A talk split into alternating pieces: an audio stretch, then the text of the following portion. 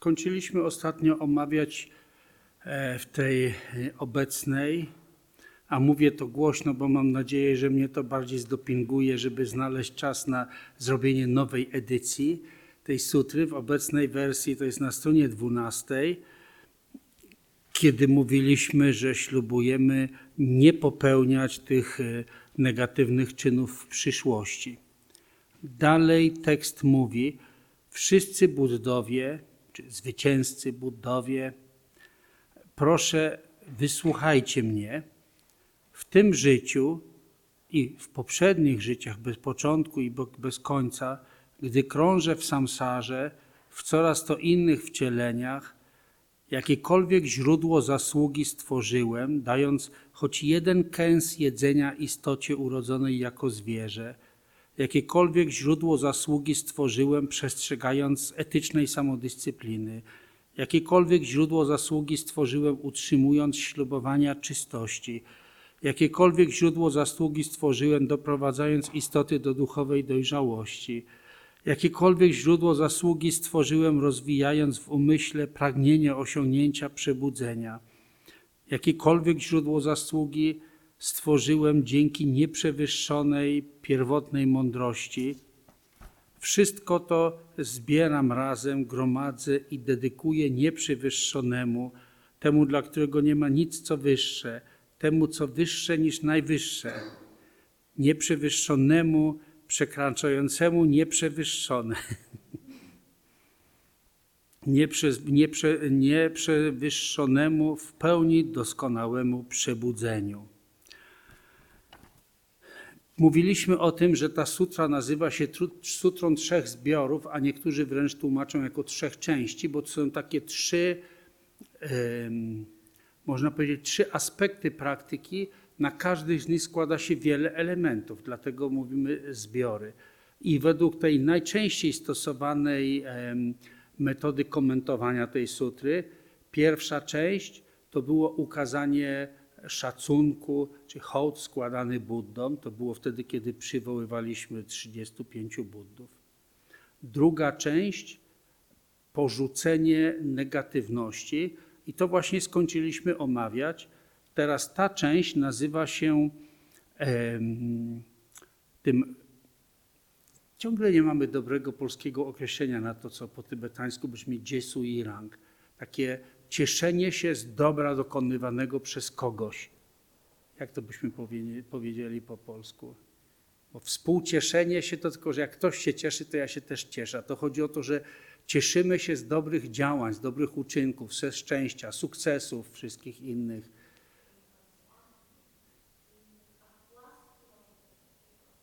Łaska to mi się kojarzy, że to taką łachę ktoś mi robi, jak ma ochotę, jak, jak, a jak nie ma ochoty, to, nie, to mi nie okaże łaski. Nie, to mi się nie, nie. Takie cieszenie się z dobrych uczynków, z tego, że inni są szczęśliwi i z tego, że stwarzają przyczyny szczęścia, czyli mają czyste motywacje, poprawne działania. Nasi zachodni sąsiedzi mają taki wyraz, jak cieszenie się z czyjegoś nieszczęścia.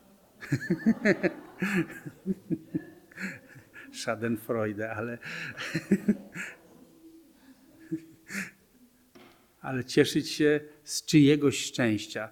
To jest takie dosyć istotne pojęcie w całej tradycji i w praktyce buddyjskiej, ponieważ podobnie jak to mówiliśmy w przypadku negatywnych czynów, jeżeli sami popełniamy negatywne czyny, to oczywiście gromadzimy negatywną karmę, która będzie w tym, a w szczególności w przyszłych żywotach, powracać do nas e, w postaci cierpienia.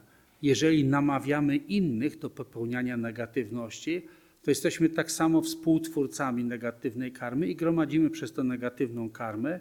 I kiedy cieszymy się z tego, kiedy inni popełniają zło, to również gromadzimy poprzez to właśnie te negatywne nasiona, które będą dojrzewać jako cierpienie. Podobnie, kiedy sami czynimy coś pozytywnego albo namawiamy innych, no chociaż to jest namawianiem, to trzeba być ostrożnym. Wiem, jak mnie babcia próbowała nam mówić na kościół, to całe życie później trzymałem się z daleka. Od, od trzeciej klasy chyba, jak tatuś powiedział, no to teraz dojrzałeś, sam zdecyduj, chcesz chodzić do kościoła. Nie, ja chcę tak jak tatuś, nigdy nie chodzić do kościoła.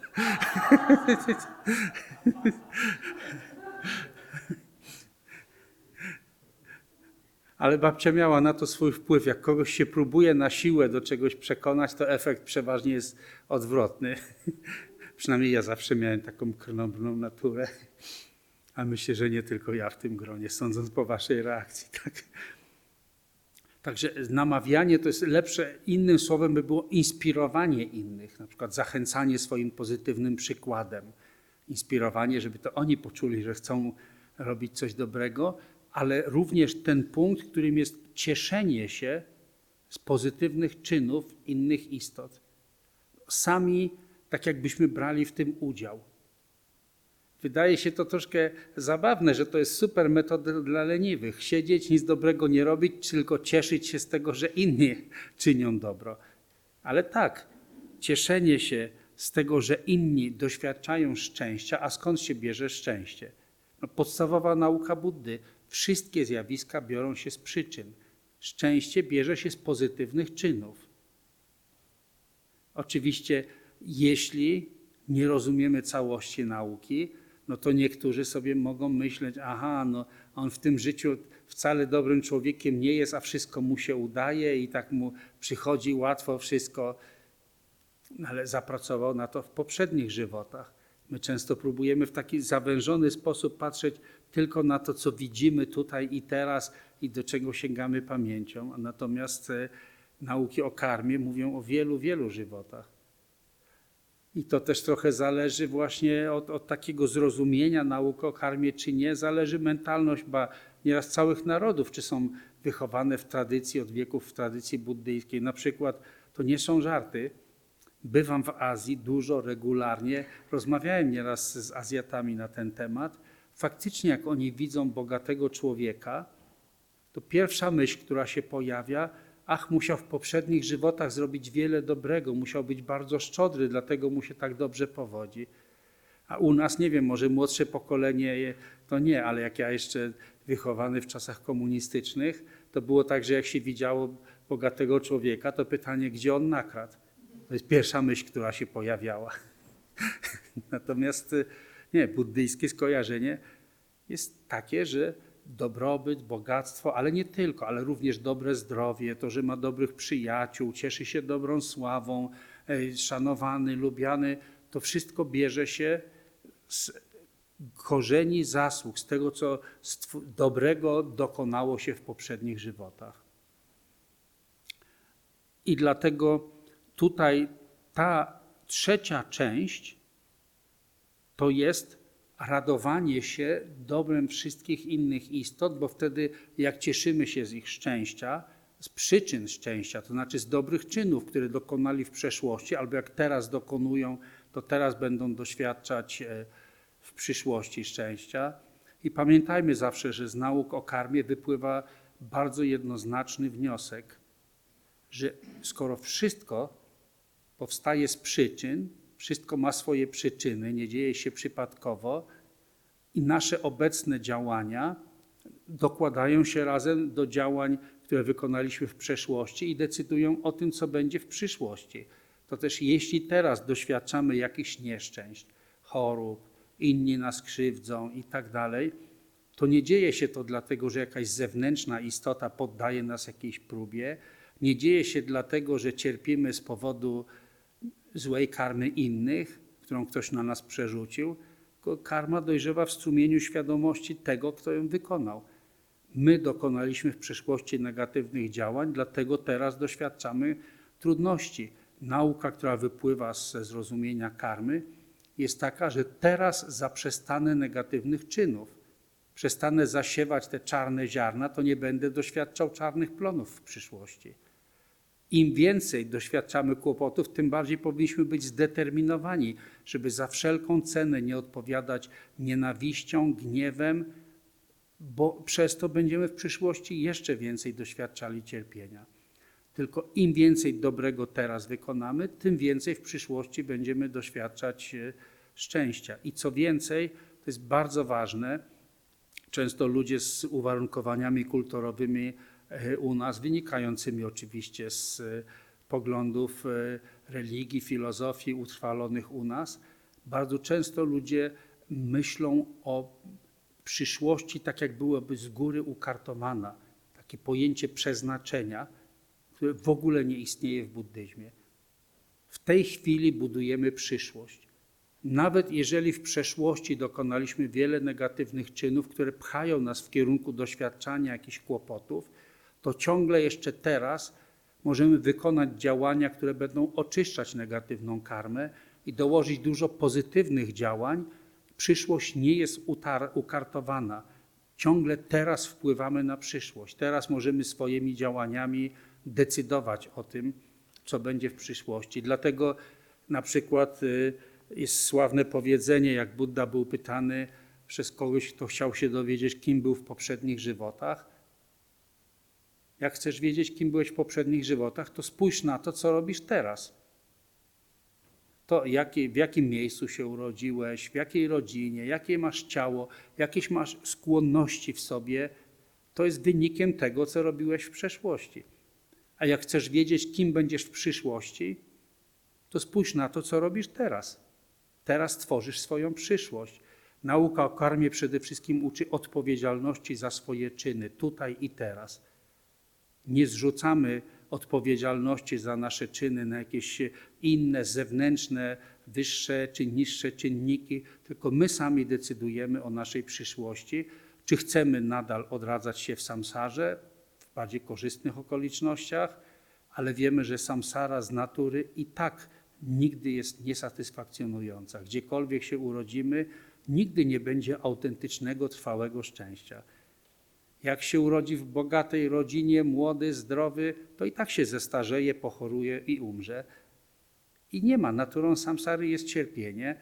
Jeśli już mamy w niej być, to oczywiście jak najlepsze stwarzamy okoliczności poprzez dobre czyny, bo dzięki tym prawym czynom jesteśmy w stanie osiągnąć tę głębszą, wyższą mądrość, która nas całkowicie wyprowadzi poza samsarę. Także nie będziemy z karmicznego przymusu odradzać się.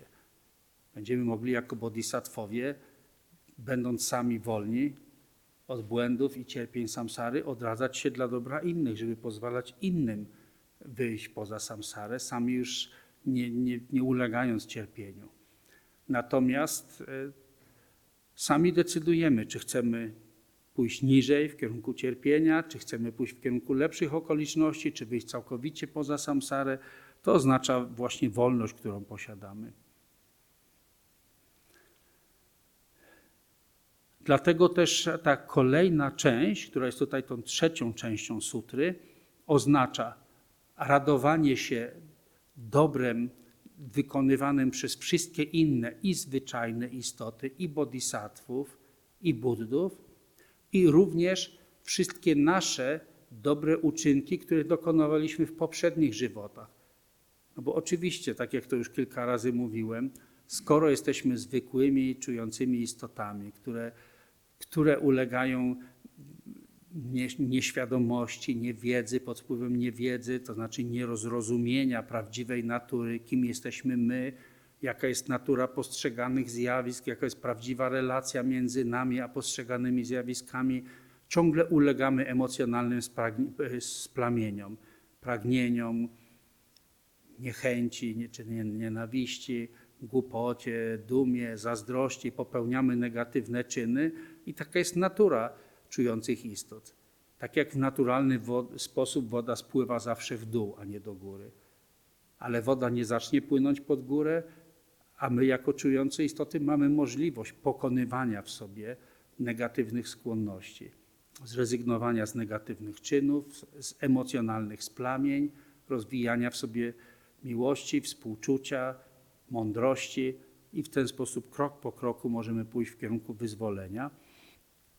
I wszystkie te pozytywne czyny w przeszłości dokonywaliśmy negatywnych, które w pierwszej części sutry wyznaliśmy, postanowiliśmy porzucić, wyraziliśmy skruchę. Teraz wszystkie pozytywne czyny dokonywane zarówno przez Buddów, bodhisattvów i zwykłe istoty, jak i przez nas we wszystkich żywotach, razem zbieramy. Oczywiście to jest tylko taka przenośnia, nie da się jak to, zebrać w skrzynkę pozytywnych czynów. Ale w sensie w swojej intencji wszystkie razem zbieramy i tu jest podany przykład. Tak jak, takie dobre czyny, jak chociażby nawet da, daliśmy kęs jedzenia jakiejś istocie urodzonej jako zwierzę. Bo do pozytywnych czynów będą należały jakie pozytywne czyny? Spośród tych y, wyzwalających działań bodhisattwy, pierwsze z nich to jest oczywiście dobroczynność albo szczodrość, to się różnie tłumaczy. Przypomnę pokrótce, bo przy innych okazjach słuchaliśmy na ten temat wiele szczegółowych nauk. Pierwsze to jest dawanie materialnych rzeczy. Oczywiście, że więcej pożytku płynie z tego, kiedy dajemy tym, którzy są w potrzebie, niż na przykład karmimy obżartuchów, którzy są chorobliwie na przykład e, e, e, kompulsywnie jedzą i są przez to chorzy i w tym momencie nie jest aż tak szlachetnym działaniem dawanie im jeszcze więcej, prawda? Albo jak ktoś w przypadku, kiedy jest zrozpaczony, uległ jakiemuś takiemu emocjonalnemu zawirowaniu i chce sobie odebrać życie, nie jest przykładem szczodrości. Aha, prosisz o sznur, to proszę uprzejmie, masz tu sznurek, jeszcze cię nauczę, jak się robi taki odpowiedni węzeł, żeby zadziałało. To byłby przykład szkodliwej szczodrości. Więc mówimy o dawaniu tym, którzy faktycznie potrzebują. Na przykład ubrania tym, którzy marzną i nie mają ubrania. Jedzenia tym, którzy potrzebują. Nasi przyjaciele w Warszawie każdy z nas ma możliwość w jakiś sposób się dołożyć. Nasi przyjaciele od lat prowadzą tą akcję spośród, zresztą możemy się pochwalić, że spośród takich charytatywnych organizacji w Warszawie przetrwali najdłużej. Wszystkie po paru latach padają, oni już kilkanaście lat ciągną. Dawanie jedzenia bezdomnym, dawanie ubrania. W sumie tam nikt nie pyta, czy jesteś domny, czy bezdomny. Przychodzą też z ludzie, którzy mają mieszkania, ale są po prostu bardzo biedni. Potrzebujesz jedzenia? Proszę bardzo, dostaniesz jedzenie. Potrzebujesz ubrania? Dajemy ubranie, na ile się staramy. Czasami ktoś z nas może się udać fizycznie, po prostu pomóc rozdawać to jedzenie, pomóc robić. Ktoś być może ma nadmiar parę złotych za dużo, dajemy i cieszymy się z tego dobra, które oni tworzą. Więc to jest przykład dawania materialnych rzeczy, lekarstw tym, którzy potrzebują lekarstw, ubrania, jedzenia itd., tak itd. Tak Wszędzie w okolicy na pewno mamy, a to sąsiadów, którzy na przykład są starsi i, i, trudno jest im zadbać o siebie, nawet pomóc w tym, żeby zrobić zakupy, nawet niekoniecznie dokładając się do tego, ale po prostu w sensie pieniędzy. Ale tak po prostu pójść i pomóc przynieść jakieś zakupy, to też jest rodzaj pomocy i też jest rodzaj szczodrości, ofiarowanie swojego czasu i pomocnej ręki. Więc pierwszy to jest dawanie materialnych rzeczy.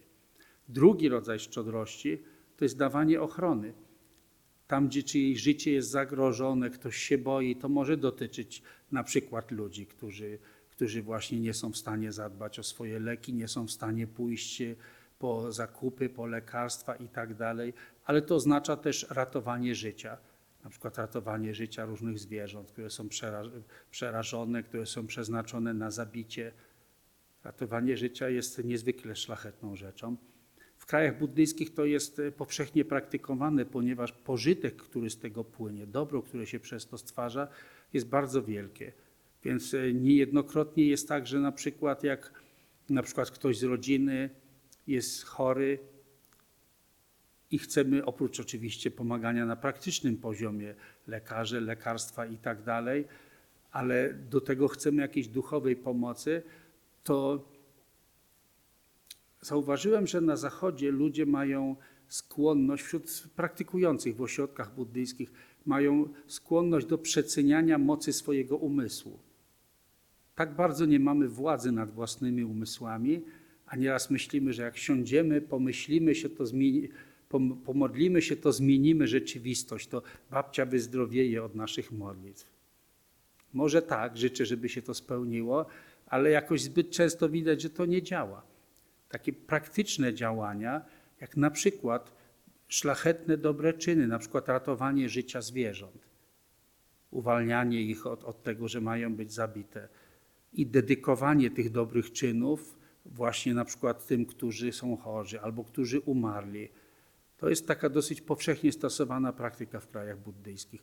Bardziej takie konkretne czyny, wiemy, że faktycznie zrobimy coś dobrego. Recytowanie modlitw, recytowanie mantr oczywiście jest dobre, ale jak przyjrzymy się tak szczerze, co się dzieje w tym czasie z naszym umysłem, to może nasza intencja nie jest zawsze taka do końca czysta, nasza zdolność niezmąconej koncentracji też nie jest taka wielka. Więc takie praktyczne, dobre czyny też warto e, zastosować. Nie, nie, jakby nie, nie doceniać ich. Więc drugi rodzaj szczodrości to jest dawanie ochrony tym, którzy potrzebują ochrony. No i trzeci rodzaj szczodrości to jest dzielenie się mądrością. Jak kogoś nakarmimy, to pomożemy mu na parę godzin, do czasu aż zgłodnieje. Jak damy ubranie, to pomożemy do czasu, aż, aż się ubranie zużyje. Oczywiście to odwieczne pytanie, czy dać komuś rybę, czy wędkę. Może buddyści by użyli niekoniecznie akurat e, tego porównania, ale że oczywiście nauczyć kogoś dobrze żyć. Nasi przyjaciele zajmują się tym, na przykład wyjście z kryzysu bezdomności to nie jest taka prosta rzecz, żeby coś przemienić w czyimś życiu, tak żeby, żeby naprawdę zaskoczyło, że będzie w stanie o siebie zadbać. Często to nie jest aż taka prosta sprawa, ale w każdym razie bajką i wymówką bogatych jest mówienie, a oni tak żyją, bo tak chcą. Oj, wcale tak nie jest. Jak się tak pozna bardziej indywidualne przypadki, a, a miałem okazję posłuchać o ludziach, którzy na przykład mieli całkiem dobre stanowisko, mieszkanie i tak dalej, i z powodu jakichś, jakichś zawirowań w pracy, gdzieś tam w rodzinie, tak, i nagle po prostu cały dobrobyt pryska. I znam, na, nawet osobiście znam dyrektora wielkiej korporacji w Polsce, który miał za sobą kilka lat życia jako bezdomny na dworcu w centralnym Warszawie później wrócił do bycia bardzo bogatym człowiekiem, a w międzyczasie to nie jest takie łatwe i to nie jest tak, że, że ktoś zostaje bezdomnym z wyboru. To nie jest takie proste. Więc dać jedzenie, dać ubranie jest świetne, ale jeżeli kogoś nauczymy żyć w szlachetny, dobry sposób, to pomożemy mu nie tylko na to życie, ale i na przyszłe żywota. Więc dzielenie się mądrością darmy, czy też w ogóle dzielenie się mądrością jest najwyższym sposobem szczodrości. Oczywiście wiemy, że trzeba zaczynać zawsze od zaspokojenia tych najbardziej podstawowych potrzeb tu i teraz, bo głodny człowiek nie będzie myślał o filozofii. Najpierw te podstawowe potrzeby muszą być zaspokojone, wtedy będzie się w stanie pomóc dalej na takim, można powiedzieć, głębszym poziomie. Dalej spośród tych pozytywnych działań, z których tu jest tylko podany przykład, że na przykład daliśmy kęs jedzenia istocie urodzonej jako zwierzę. Dalej wśród tych e, metod gromadzenia zasługi jeszcze głębszą metodą jest utrzymywanie czystej etyczności. I tutaj mówimy o trzech aspektach etyki. Znowu etyka ma trzy aspekty. Pierwszy z nich to jest etyka powstrzymywania się od negatywności, a więc utrzymywanie ślubowań, nie zabijać, nie kraść, nie kłamać i tak powstrzymywanie się od negatywnych czynów. Ale zawsze powtarzam na tyle, że już czuję tak jakby wyświechtane, tyle razy wychodziło z tych ust powiedzenie, że gdyby etyczność sprowadzić do nieczynienia zła, to najbardziej śmierdzące lenie byłyby najszlachetniejszymi istotami, bo nic nie robiąc, nie robiąc też nic złego. Drugi aspekt etyki to jest tak zwana etyka gromadzenia dobra. Takie entuzjastyczne zaangażowanie się w prawe, w szlachetne czyny. Czyli etyczność to nie tylko powstrzymywanie się od zła, ale faktyczne angażowanie się w prawe, szlachetne czyny. I trzeci rodzaj, trzeci aspekt etyczności, według tej klasycznej terminologii buddyjskiej, to się nazywa etyka pracy dla dobra innych, czy dla dobra istot. Dotyczy to zarówno sytuacji, kiedy ktoś staje się duchowym przewodnikiem, no i w jaki sposób być takim duchowym przewodnikiem, duchowym nauczycielem, żeby przy okazji nie ranić innych. Niełatwo. Niełatwo jest, e, jak czasami ludzie zaczynają naprawdę pokładać zaufanie w kimś, i przychodzą czasami, bo tak ogólnie takie wiecie, to w tej książce buddyjskiej to jest o tym, siąść tak wysoko i nauczać o tym, co jest dobre, co jest złe, to łatwo. Później zastosować samemu w życiu jest trudniej, a jak przychodzą ludzie z zaufaniem, stawiając naprawdę trudne pytania i, i oczekują tego rodzaju porady, od której być może zależy całe ich życie, czy pokierują w tą, czy w tą stronę, bardzo trudno jest czasami wziąć taką odpowiedzialną odpowiedzialność moralną za to. Bo dać odpowiedź, coś powiedzieć, to potrafi każdy, ale, ale tak, żeby to było sensowne, nie tak łatwo. I to jest właśnie to, co się nazywa etyką pracy dla dobra innych, żeby przy okazji tej pracy nie zaszkodzić im, a poza tym ma to jeszcze inny bardzo ważny aspekt. Ja powinienem tego nie mówić, bo sam konsekwentnie próbuje przed tym nieraz uciec. Otóż jest to zrozumienie, że nasze działania inni też widzą i w jakiś sposób odbierają. Nasze działania nie dotyczą tylko nas. A więc wzięcie odpowiedzialności za to, jak nasze działania są odbierane przez innych. No w przypadku rodziców każdy z rodziców wie, że swoimi postawami daje przykład i kształtuje dzieci. Prawda? No i no tam na przykład patrzę na mamusię i wiem, że na pewno jest przekonana, że, że pewne rzeczy robiąc przy dziecku, kładzie większy nacisk na to, jak, jak się zachowywać, niż wtedy, jak dziecka nie ma. Bo wie, że, że to bardzo mocno oddziałuje na dziecko. A jeżeli stajesz się takim przewodnikiem, czy kimś, kto ma na przykład silną osobowość, praktykując darmę, wiemy, przez otrzymywanie błogosławień, przez te wszystkie praktyki medytacyjne, powtarzanie mantr i tak dalej, ktoś uzyskuje taką, można użyć określenia silną osobowość, że wpływa mocno na innych. Charyzma też, ale też chodzi mi o to, że w ogóle y, jego działania, na przykład ktoś jest terapeutą, jakimś doradcą zawodowym, wielu ludzi patrzy na niego, szefem w pracy, też jego działania mocniej oddziałują na innych niż wtedy, jak jest prywatną osobą mieszkającą sobie z dala od innych w lesie. Więc w tym momencie bodhisattva, który ma być przewodnikiem duchowym dla innych, musi też sobie zdawać sprawę, że, że na przykład nawet tym, co wypisuje na Facebooku, może budzić w innych gniew, jątrzyć, wzbudzać, wzbudzać różne emocje, a może swoim postępowaniem po prostu łagodzić konflikty, uczyć ludzi więcej akceptowania różnorod, różnorodnych postaw i poglądów. Słowo tolerancja nawet jest, nawet jest dużo słabsze niż akceptowanie po prostu odmienności, różnorodności, może uczyć jakichś takich no, dojrzałych postaw a może po prostu wzbudzać i, i, wkładać kij w mrowisko i cieszyć się, że, że ludzie się gryzą, że budzą w sobie gniew, więcej nienawiść. To jest taki drobny przykład, który pokazuje, co mam na myśli, mówiąc ta etyka pracy dla dobra innych. Wzięcie odpowiedzialności za to, jak nasze działania wpływają na innych. Jego świątobliwość Dalaj Lama bardzo często o tym mówi, tylko w wykładach dla niebuddystów używa takiego bardzo niebuddyjskiego języka, takiego bardzo uniwersalnego. Nie wiem, czy śledziliście trochę książek, które są zapisami różnych wykładów czy rozmów.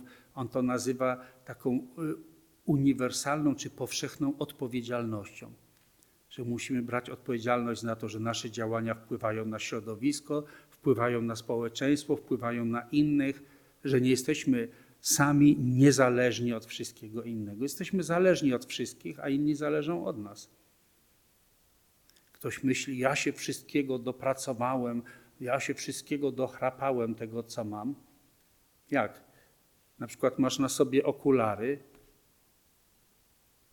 Ilu ludzi pracowało na to?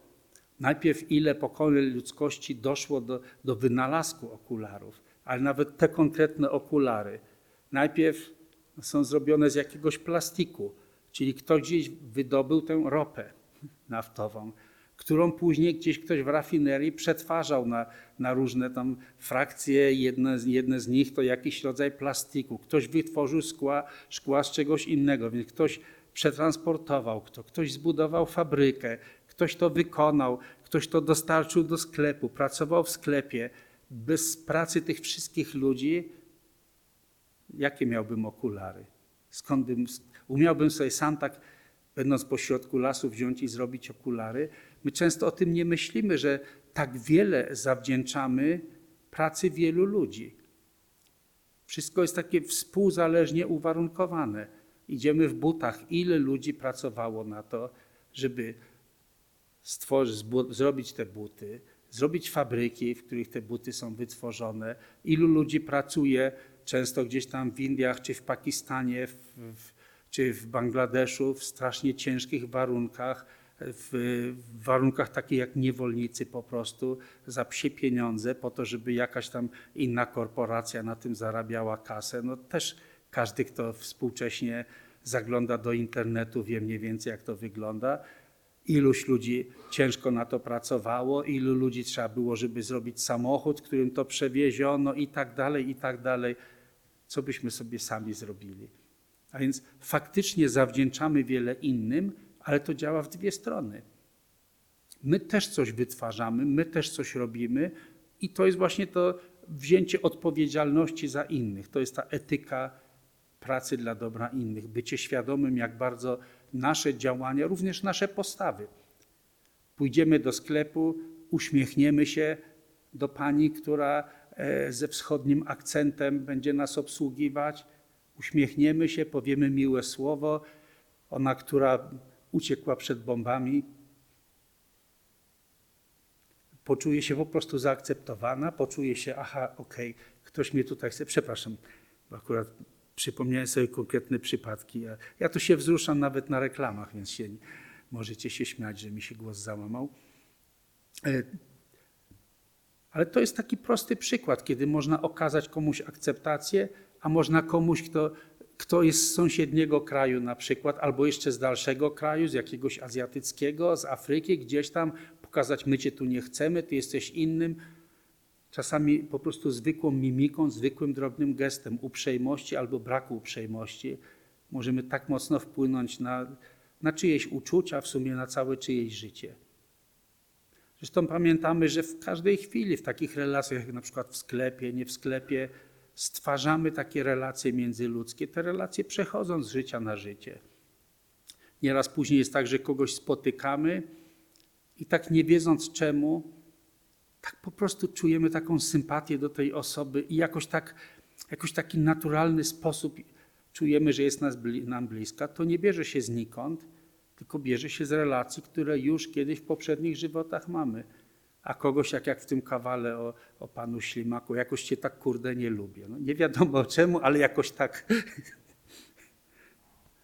Oczywiście, że niektórzy tłumaczą to, że feromony takie i inne płyną w powietrzu, pasują do siebie, ale to, że spotykamy takie feromony lub inne też nie jest przypadkiem. No, taka jest buddyjska odpowiedź.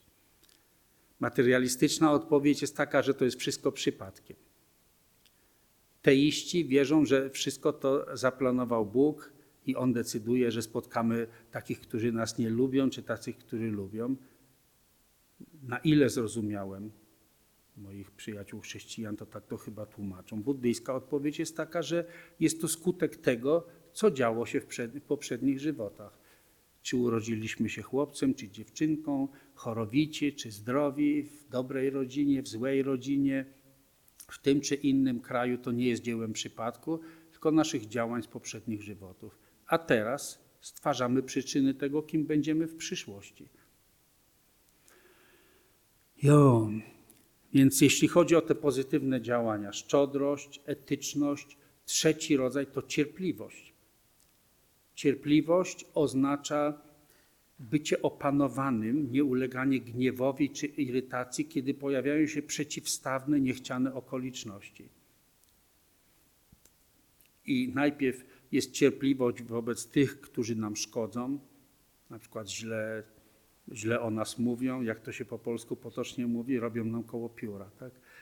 E, albo i teraz już no, nie ma na tyle czasu, żeby szerzej omawiać, dlaczego warto praktykować cierpliwość, ale jest jedna rzecz, którą stale podkreślam, bo na ten temat jest bardzo wiele nieporozumień, dlatego że ogólnie rzecz biorąc, nasza kultura i nasza cywilizacja zachodnia daje duże przyzwolenie na gniew. Jest uzasadniony gniew, jest słuszny gniew, istnieje takie pojęcie jak słuszny gniew, bo ktoś mnie skrzywdził, ja mam prawo się na niego gniewać. Znam takich, co przechodzili całe terapie, w których uczyli się, że tak, mam prawo gniewać się na, na tą czy tamtą osobę, bo ona mnie skrzywdziła. To jest zupełnie przeciwstawne buddyjskiemu pojęciu. Tutaj podstawą, bez której nie ma w ogóle co mówić o ćwiczeniu się w cierpliwości, podstawą jest zrozumienie, jak bardzo szkodliwy jest gniew. Wtórną rzeczą, czy tam jakimś tam powiedzmy dalszą konsekwencją, jaką szkodzi innym, ale przede wszystkim jak bardzo jest szkodliwy dla mnie samego. Jeżeli daję sobie moralne przyzwolenie czy uzasadnienie, że mam prawo się gniewać, bo to naprawdę on, ona, oni są winni mojemu, moim problemom, i wtedy próbujemy praktykować gniew, przepraszam, próbujemy praktykować cierpliwość, powstrzymywać się, nie ukazywać gniewu, no to tu jest podstawowa sprzeczność i tu się zgadzam z tymi, którzy mówią, że tak jak będziemy tłumić w sobie gniew, to wcześniej czy później on wybuchnie. No bo dajemy sobie przyzwolenie, a jednocześnie, a jednocześnie nie, nie, nie, ale Buddha mówił nie, nie wyrażaj gniewu.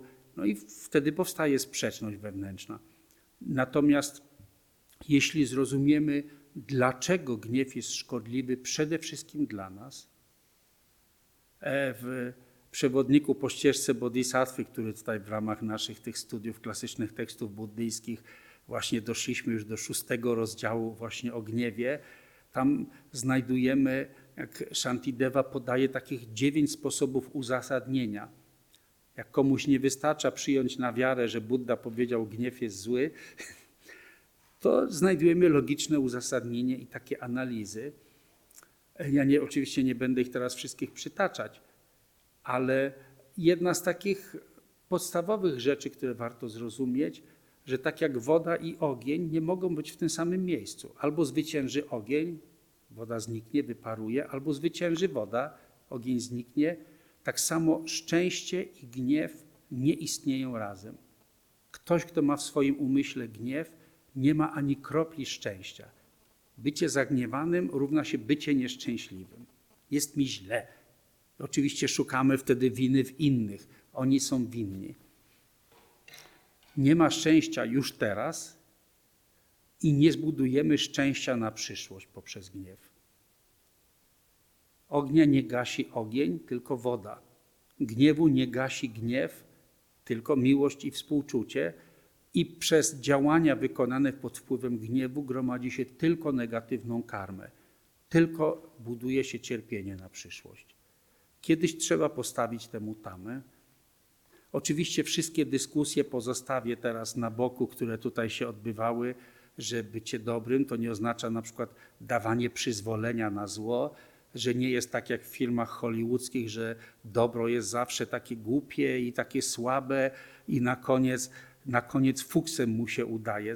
Zawsze, nie wiem czy oglądacie filmy amerykańskie z Hollywood, ale tam schemat się zawsze powtarza, że zło jest takie potężne, wszystkie te diabły i inne takie siły są takie potężne, inteligentne i mądre, a zło takie głupie i takie słabe i na koniec się akurat fuksem udaje.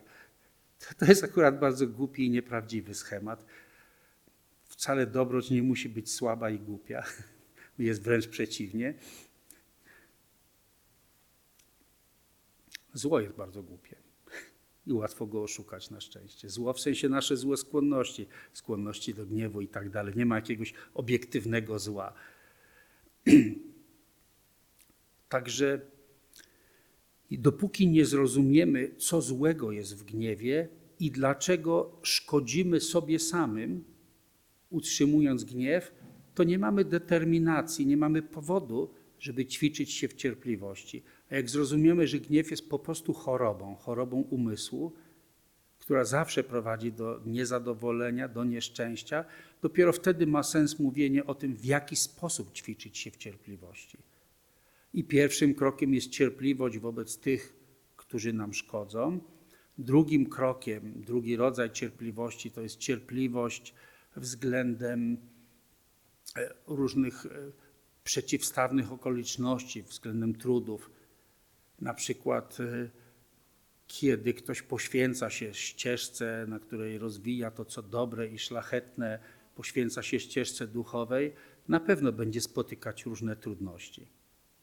A to, a to na przykład rodzina będzie mówić, jakiś, jakim jesteś głupim idiotą. Zamiast tylko bić kasę, tylko to się liczy, mieć władzę nad ludźmi i pieniądze. I dlaczego, dlaczego to nie jest najważniejsze dla ciebie, tylko jakieś, jakieś duchowe ideały? Albo z innych powodów będą nas krytykować. Ba, nawet to, że siedzicie w ten weekend tyle godzin w takiej niewygodnej pozycji, nogi bolą, to też już są pewnego rodzaju trudności i też potrzeba cierpliwości, żeby nie irytować się zaraz, dlaczego, dlaczego jak tak siedzę, dlaczego on tak długo przynudza, może już czas by było to skończyć. Więc e, cierpliwe znoszenie trudów, również cierpliwe znoszenie chorób, również takich sytuacji, że na przykład chcemy wyjść na spacer, a tu akurat zaczyna padać. Widziałem w życiu takie sytuacje, jak, jak ktoś z takiego powodu potrafi wpaść w gniew i niszczyć na przykład drogie sobie przedmioty, albo ranić słowami, ranić drogie sobie ukochane osoby. Dlatego, że deszcz zaczął padać, a ja miałem pewien schemat w umyśle. Wyjdę teraz na spacer, a tu okoliczności nie sprzyjają i moje oczekiwania nagle są ważniejsze niż moja droga ukochana osoba i zaczyna się złościć i wyżywać na tej osobie, jakby była winna odkręceniu kurka, żeby zaczął padać deszcz.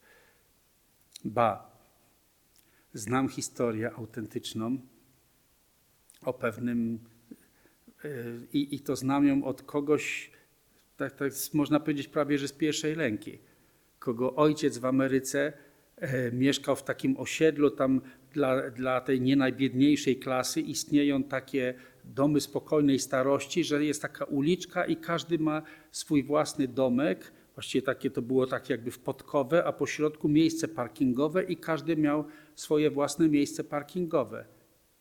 I sąsiad ojca tego mojego znajomego był, wiedział, że to jest jego miejsce. Któregoś dnia przyjechał samochodem i okazało się, że ktoś zaparkował na jego miejscu. Wokół cały parking pusty, ale na jego miejscu ktoś stanął tak się zezłościł, że dostał ataku serca i umarł na miejscu. to jest autentyk, bo moje miejsce jest zajęte. I w tym momencie zabrakło cierpliwości, no bo są pewne granice, prawda, tego, co można tolerować. Cierpliwość cierpliwością, ale brzmi śmieszne, ale tak naprawdę to jest żałosne. A my sami, jak przyjrzymy się swojemu życiu, nieraz w podobne bezsensowne problemy się wpakowujemy. Złościmy się o jakieś drobiazgi, które naprawdę nie są decydujące w naszym życiu. Wystarczyłoby trochę już nawet niecierpliwości, tylko tolerancji tego, że ktoś odstawił kubek w inne miejsce niż my uważamy, że powinien odstawiać, a on znowu postawił w inne miejsce. I zaczyna być z tego wielki problem i na przykład konflikt. Życie zna takie przypadki. Dalej, trzeci rodzaj cierpliwości, ten jest najtrudniej tak w tym momencie nam zrozumieć, kiedy ktoś faktycznie postępuje duchową ścieżką, ścieżką darmy, rozwija mądrość i mówimy o zrozumieniu ostatecznej natury zjawisk, o zrozumieniu pustej natury wszystkich zjawisk. Najpierw intelektualnie jest to trudne do zrozumienia, jak to to jest puste? Przecież uderzam i mnie boli. Więc jest puste i zrozumienie, jak pustka nie oznacza nieistnienia, tylko przejawiając się zjawiska są puste, będąc pustymi się przejawiają, jak pojęcie pustości nie oznacza nihilistycznego nic, zaprzeczenia istnienia zjawisk lub nieistnienia, jest całkowicie poza konceptami, to jest jedno, ale jeszcze gorzej, kiedy ktoś przez swoją praktykę medytacyjną rozwija ten rodzaj mądrości, wglądu, kiedy dochodzi zbliża się do urzeczywistnienia pustości wszystkich zjawisk.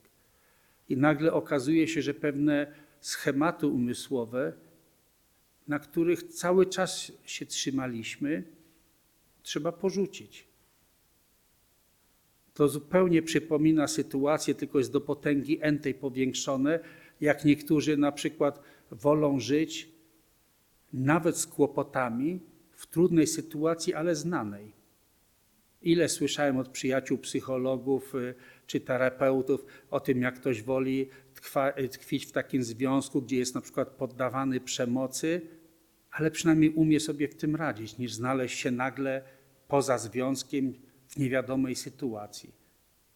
Ja nie, nie twierdzę tutaj, nie zachęcam do rozbijania związków, jak się, to, to zupełnie inny temat, ale psychologia zna to, że łatwiej jest komuś być w więzieniu, które zna, niż poza więzieniem, którego nie zna. Słyszałem o, o kimś, kto w Afryce 45 lat siedział w więzieniu i jak miał już prawie 80, skończyła się kara, mógł wyjść na wolność i błagał o to, żeby go nie wypuszczać, bo on już nie umie żyć poza więzieniem. Znajdzie się w rzeczywistości, w której już ani pracy, ani nic nie znajdzie i nie będzie tam umiał żyć. Zupełnie podobnie, tylko o wiele mocniej, my trzymamy się samsary. To nie jest tak, że samsara nas trzyma. My się jej kurczowo trzymamy, bo boimy się porzucić pewnych schematów umysłowych.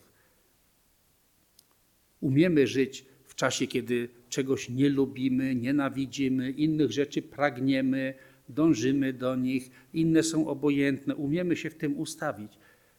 A nagle, kiedy się okazuje, że mamy żyć poza przywiązaniem i niechęciami, oczekiwaniami, obawami, poza tym wszystkim, ale jak to? Często ludzie się boją, że aha, jak nie będę miał dumy, gniewu, zazdrości, to będzie takie czarne puste nic. Tak często ludzie mają y, z, na przykład z europejskiej perspektywy, perspektywy wyobrażenia, że jak to Bundes mówi o pozbyciu się takich trucizn umysłu, to znaczy, że dąży do nihilizmu, samounicestwienia. Jeśli nie będę nienawidzieć, pragnąć, zazdrościć, to co? To będę niczym. Okazuje się, że jest to oczywiście bardzo nieprawda, że to, co, to, co jest poza tymi zasłonami, zaciemnieniami, to jest zupełnie, zupełnie inny rodzaj wrażliwości, zupełnie inny rodzaj szczęścia, obdarzonego miłością, współczuciem wobec tych, którzy tego nie doświadczają. Te wszystkie właściwości przebudzonego umysłu są czymś takim, co jest nie, niemożliwe do, do zrozumienia naszym pojęciowym myśleniem teraz. Jak ktoś zbliża się do tego doświadczenia, to bardzo często towarzyszy temu taki właśnie lęk przed porzuceniem tego, co znane. I to jest trzeci rodzaj cierpliwości. Nas na razie to nie dotyczy, ale jak będziemy się kiedyś zbliżać do takiego wglądu w, tą, w, w urzeczywistnienie, zrozumienie natury zjawisk, to trzeba wiedzieć, że, że czasem to wymaga trochę odwagi i cierpliwości. Więc to były pierwsze trzy wyzwalające działania bodhisattwy. Szczodrość, etyczność, cierpliwość.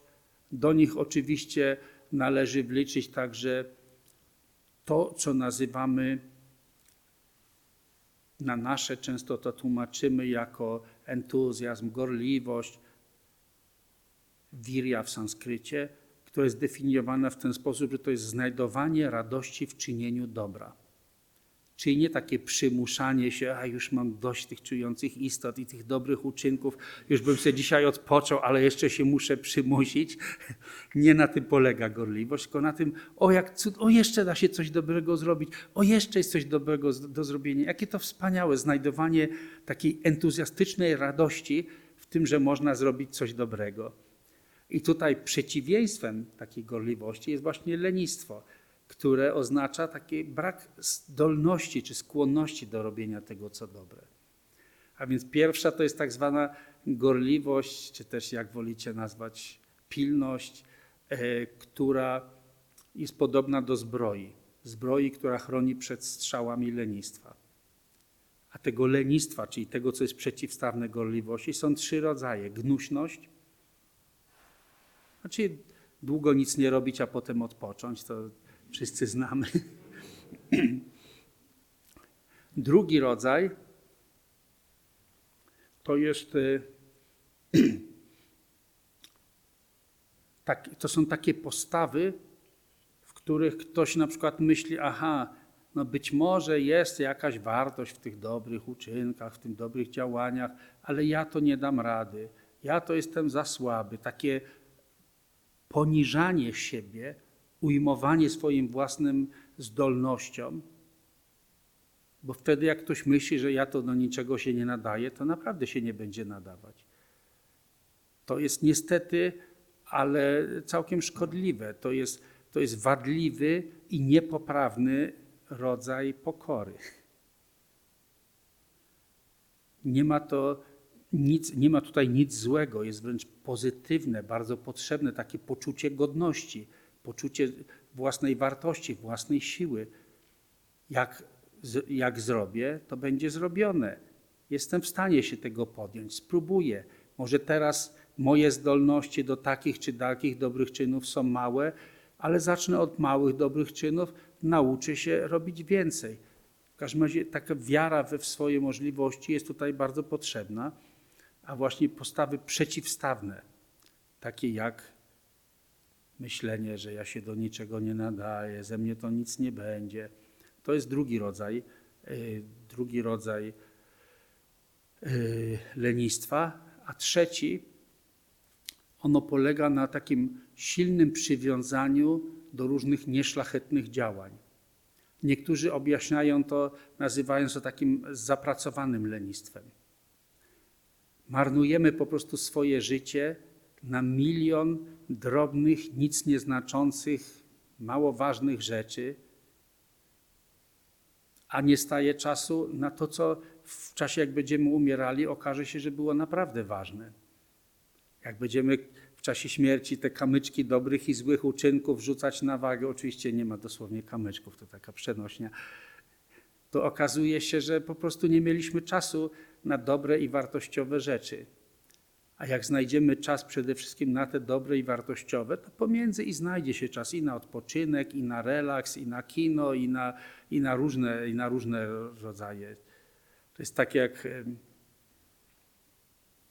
tak jak w tej przypowieści o tym, wszyscy pewnie to znają, bo to krążyło po internecie, o tym jak e, przyszedł wykładowca, miał studentów uczyć e, sposobu zorganizowania czasu i przyniósł takie pomocy naukowe w reklamówkach. Najpierw pewną wazę i zapytał, czy ta waza jest pełna, czy pusta. No wszyscy odpowiedzieli, oczywiście pusta. W związku z tym wyjął z jednej siatki parę dużych kamieni, wypełnił wazę i zapytał, pełna czy pusta. No, część odpowiedziała pełna, inny, no ale nie do końca. Wyjął wtedy drobne kamyczki i okazało się, że pomiędzy tymi grubymi kamieniami jeszcze tego drobnego żwiru całkiem pełno się zmieściło. Tutaj pytanie pełna czy pusta, no już wątpliwości. Wyjął trochę piachu, okazało się, że jeszcze pomiędzy małymi kami- kamyczkami zmieniło się dużo, zmieściło się dużo piachu. Na koniec jeszcze dało się wlać wody. Jaki z tego wniosek płynie? Więc niektórzy zaczęli odpowiadać, że, że zawsze można coś jeszcze dołożyć i ta, różne odpowiedzi. A on mówi nie. Wniosek jest prosty. Gdybym zaczął od piachu i wypełnił to piachem, to żaden duży kamień by się już nie zmieścił. Jak organizuje się swój czas, warto popatrzeć, co jest naprawdę ważne w naszym życiu. Znaleźć czas na to, co jest najbardziej ważne i wartościowe, a wtedy znajdzie się też czas na, równie, na te różne mniejsze, pomniejsze i wszystko się pomieści. A jak wypełnimy czas tylko nic nieznaczącymi takimi, no jeszcze tylko muszę, jeszcze tylko muszę posprzątać, jeszcze tylko niestety wśród swoich najbliższych znałem osoby, których sens i treść życia można było sprowadzić do sprzątania mieszkania. I niewiele, i niewiele ponad to było czasu. No, są takie rzeczy, że nie- niektórzy po prostu całe życie przechodzą. Jeszcze tylko muszę porozmawiać ze, ze znajomym, jeszcze tylko muszę zadzwonić, jeszcze tylko wynieść śmieci, jeszcze tylko zrobić to, jeszcze tamto. O, już wieczór trzeba iść spać. Jeżeli zrobimy dokładne przemyślenia, co jest naprawdę ważne z punktu widzenia wielu żywotów, z punktu widzenia tego, że nie wiemy, kiedy umrzemy, że może nam się to przytrafić nawet jutro, za miesiąc, za pół roku i co wtedy będzie ważne? Te wszystkie te wszystkie chwile, które spędziłem na Facebooku, czy może zrobienie coś konkretnie pozytywnego w tym czasie. Sorry, Facebooku, nie chciałem Cię obrażać. Także to jest, to jest ważne, żeby nie zmarnować życia na wszystkie takie nic nieznaczące, rozmaite działania, bo to by się nazywało właśnie tym zapracowanym lenistwem. Lenistwo, bo nie ma czasu na entuzjastyczne czynienie tego, co dobre, ważne i szlachetne. W innych tekstach to samo jest opisywane, nazywane też jest w ten sposób, że to jest takie przywiązanie do negatywnych działań. Na przykład łowienia ryb, na przykład, no czyli zabijania dla przyjemności, na przykład jakieś inne mogą być e, sytuacje, kiedy, kiedy ktoś e, przez z powodu przywiązania, nawet to niekoniecznie negatywnych, tylko takich obojętnych, nic nieznaczących, nie znajduje czasu na to, co ważne. A więc pierwsze to jest ta e, gorliwość, która jest zbroją chroniącą przed strzałami lenistwa. Druga to jest gorliwość, która nigdy nie zawraca, czyli rozwinięcie w sobie takiej zdolności do tego, że jak podejmujemy się jakiegoś ważnego, szlachetnego, dobrego działania, to doprowadzamy go do spełnienia. Nie tak, że zaczniemy coś, ale za chwilę inny pomysł. Nie, może jednak zrobię to. Nie, a może jednak to będzie ważniejsze. I zaczynamy 17 projektów, żadnego nie doprowadzając do spełnienia. Przy czym nie da się podzielić swojego umysłu na część duchową i świecką. I w tej części duchowej myślimy, że będziemy wszystko spełniać dokładnie tak, jak należy, a w codziennym życiu mieć taki nawyk właśnie zaczynania, niedokańczania. Nie, te nawyki się przenoszą i dlatego też e, Rinpoche zawsze, zawsze zachęcał do tego, żeby również w normalnym życiu, jak się czegoś podjęliśmy, jeśli przeanalizujemy i stwierdzimy, że było to złe, negatywne, prowadzi do kłopotów innych i nas samych, wtedy jest rozsądniej zaniechać tego, jasno powiedzieć: Przepraszam, nie będę w stanie tego zrobić. Nawet jeśli się zobowiązaliśmy, to złych rzeczy nie musimy dokańczać, ale jak coś jest pozytywne, dokończyć. Na przykład zacznie się szkołę, doprowadzić ją do spełnienia Pamiętam, jak w 80 latach Rinpoche przyjeżdżał do Polski, wiele wtedy naszej entuzjastycznej młodzieży było gotowe rzucać szkoły i wszystko, bo ja będę tylko medytować. A Rinpoche co? Z medytacji się potem nie utrzymasz. Dokończ. Teraz jest najważniejsze dla ciebie uczyć się, a trochę czasu znajdziesz na trochę medytacji, trochę poznawania buddyzmu. Przyjdzie czas, że jak jak odkryjesz w sobie taką skłonność, będziesz chciał intensywniej medytować, proszę bardzo, ale teraz się przede wszystkim ucz ku takiego ostudzeniu rodziców Rinpoche. Rinpoche to mówił młodzieży. Nie wszyscy słuchali. Ale doprowadzanie tego, co się rozpoczęło, na przykład w naszym przypadku jakichś naszych praktyk medytacyjnych. Ktoś podejmuje się, że na przykład ileś razy wypowie jakąś mantrę. Podjąłem się takiego zadania, doprowadzić do końca. Skończę to, wtedy mogę zacząć coś następnego, a nie tak, że wszystkiego próbować, wszystkiego dziubać po trochu, a, a niczego tak naprawdę nie skosztować. Trzeci rodzaj to jest ta gorliwość, która jest nienasycona, nigdy nienasycona. Czyli nigdy nie myślimy sobie, ach, zrobiłem już dosyć wiele dobra. Dopóki nie osiągniemy stanu Buddy, zawsze są jeszcze jakieś dobre rzeczy do wykonania i zawsze są jeszcze jakieś negatywne skłonności do porzucenia. Zawsze każdą okazję można wykonać. Kiedykolwiek o tym opowiadam, to przypomina mi się no, przykład, który był ucieleśnieniem wszelkich cnót. No, niektórzy z nas mieli szczęście, że że znali jeszcze osobiście Ciamdzie Tengerim czego Jak tu przyjeżdżał od świtu do nocy, bez przerwy, zresztą nie tylko tutaj, wszędzie, całe życie Rinpoczego tylko się poświęcał dobru innych. Pamiętacie pewnie, jak już, już był chory, już nawet nie miał siły siedzieć, ale nawet należąco. Asystenci, tak jak tutaj obecny, który całe życie spędził z Rinpoczem jako taki jeden z tych najbliższych asystentów, próbowali nawet powstrzymywać Rinpoche, musisz odpocząć, już, już koniec tych audiencji, już nie, nie, nie, jak ktoś chce się ze mną zobaczyć, musi mieć tą możliwość. Już leżał Rinpoche, czasami już usypiał, następny, następny i każdy się spotkał z tą dobrocią, ale czasami było tak, jak przypominamy sobie, ta, przypominam sobie taką historię, kiedy tutaj po kilku dniach tak intensywnej pracy, że każdy inny zwyczajny człowiek potrzebowałby chociaż chwilę odpocząć. I okazało się, że tak się zdarzyło. Po skończonym już kilkudniowym kursie Rinpoche miał jechać do Warszawy odpocząć, ale mamy telefon od osoby, która tam organizowała nocleg. Jeszcze nie wszystko gotowe, zatrzymajcie tu jeszcze Rinpoczego z jakieś 2-3 godziny. No to idę i mówię, że jeszcze nie czas jechać. Więc miałby okazję odpocząć, ale nie. Nie, Rinpoche nigdy nie odpoczywał. Na przykład dostał trochę chorągiewek modlitewnych w prezencie od innych, mógłby kogoś poprosić, wy wywieźcie. Nie, poszedł sam osobiście wieszać chorągiewki. Zostało jeszcze trochę czasu, więc wykonał taką wazę przyciągającą pomyślność i dokonał takiej ceremonii konsekrowania. Mamy tę wazę wciąż u nas na ołtarzu, jak widać pomyślności nam nie brakuje. Potem zostało jeszcze trochę czasu, no to dawaj, mieszkańców ośrodka, co pracowali tutaj, nie mieli nawet czasu przychodzić na wykłady, ale wiedział Rinpoche, znał wszystkich osobiście, wiedział jak praktykują. No to jest okazja, jest na tyle czasu, to jeszcze dostaniecie Abhishekę Mahakali.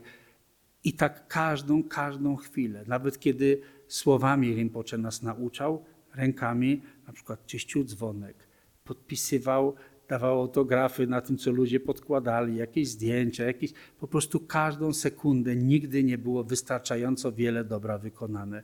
Aż do ostatniego, właściwie można powiedzieć, aż do ostatniego oddechu.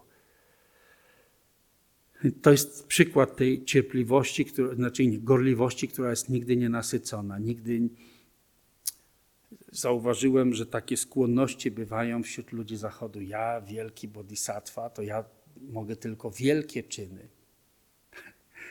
Nie, wielki bodhisattva nie przegapi takiej małej okazji do zrobienia czegoś, czegoś drobnego, takiego drobnego gestu pomożenia komuś, bo ktoś potrzebuje. Przykładowo, ja pamiętam jak Taisitu Rinpoche też nauczał, mówił, na przykład idziesz ulicą, widzisz kawałek szkła, myślisz, aha, ktoś idąc w sandałach może się skaleczyć, można się po prostu schylić i wrzucić to do kosza na śmieci, podczas kiedy ktoś inny może przejść, a mnie to nie dotyczy. Przeszedłem, ok, udało mi się dać kroka nad tym, ha, i już mnie nie dotyczy. A ktoś inny może pomyśleć, a może w ten sposób kogoś ochronię przed skaleczeniem się. Taki drobny, drobny gest. Albo widzę jakiś owad, który y, na szybie próbuje uciec na zewnątrz, tu zostanie w środku, no to po prostu umrze z głodu, z pragnienia. Taki niewielki gest, po prostu uchylić okno i wypuścić, uratować czyjeś życie. Można ignorować, a można taki drobny gest ratowania życia jakiejś istocie. Wydaje się, że niewiele, ale właśnie to są przykłady takiej gorliwości, która jest nigdy nienasycona. Zawsze jest coś dobrego do zrobienia. W każdej sytuacji da się zrobić coś złego, Da się nic nie zrobić, da się zrobić coś głupiego, coś śmiesznego, da się zrobić coś dobrego. A najfajniej, kiedy jest dobre i jeszcze miłe przy okazji, i radosne, i śmieszne. Okej, trochę przeciągnąłem. Czas na przerwę. Na następnej sesji o 16 yy, kończymy omawianie sutry i podsumowanie.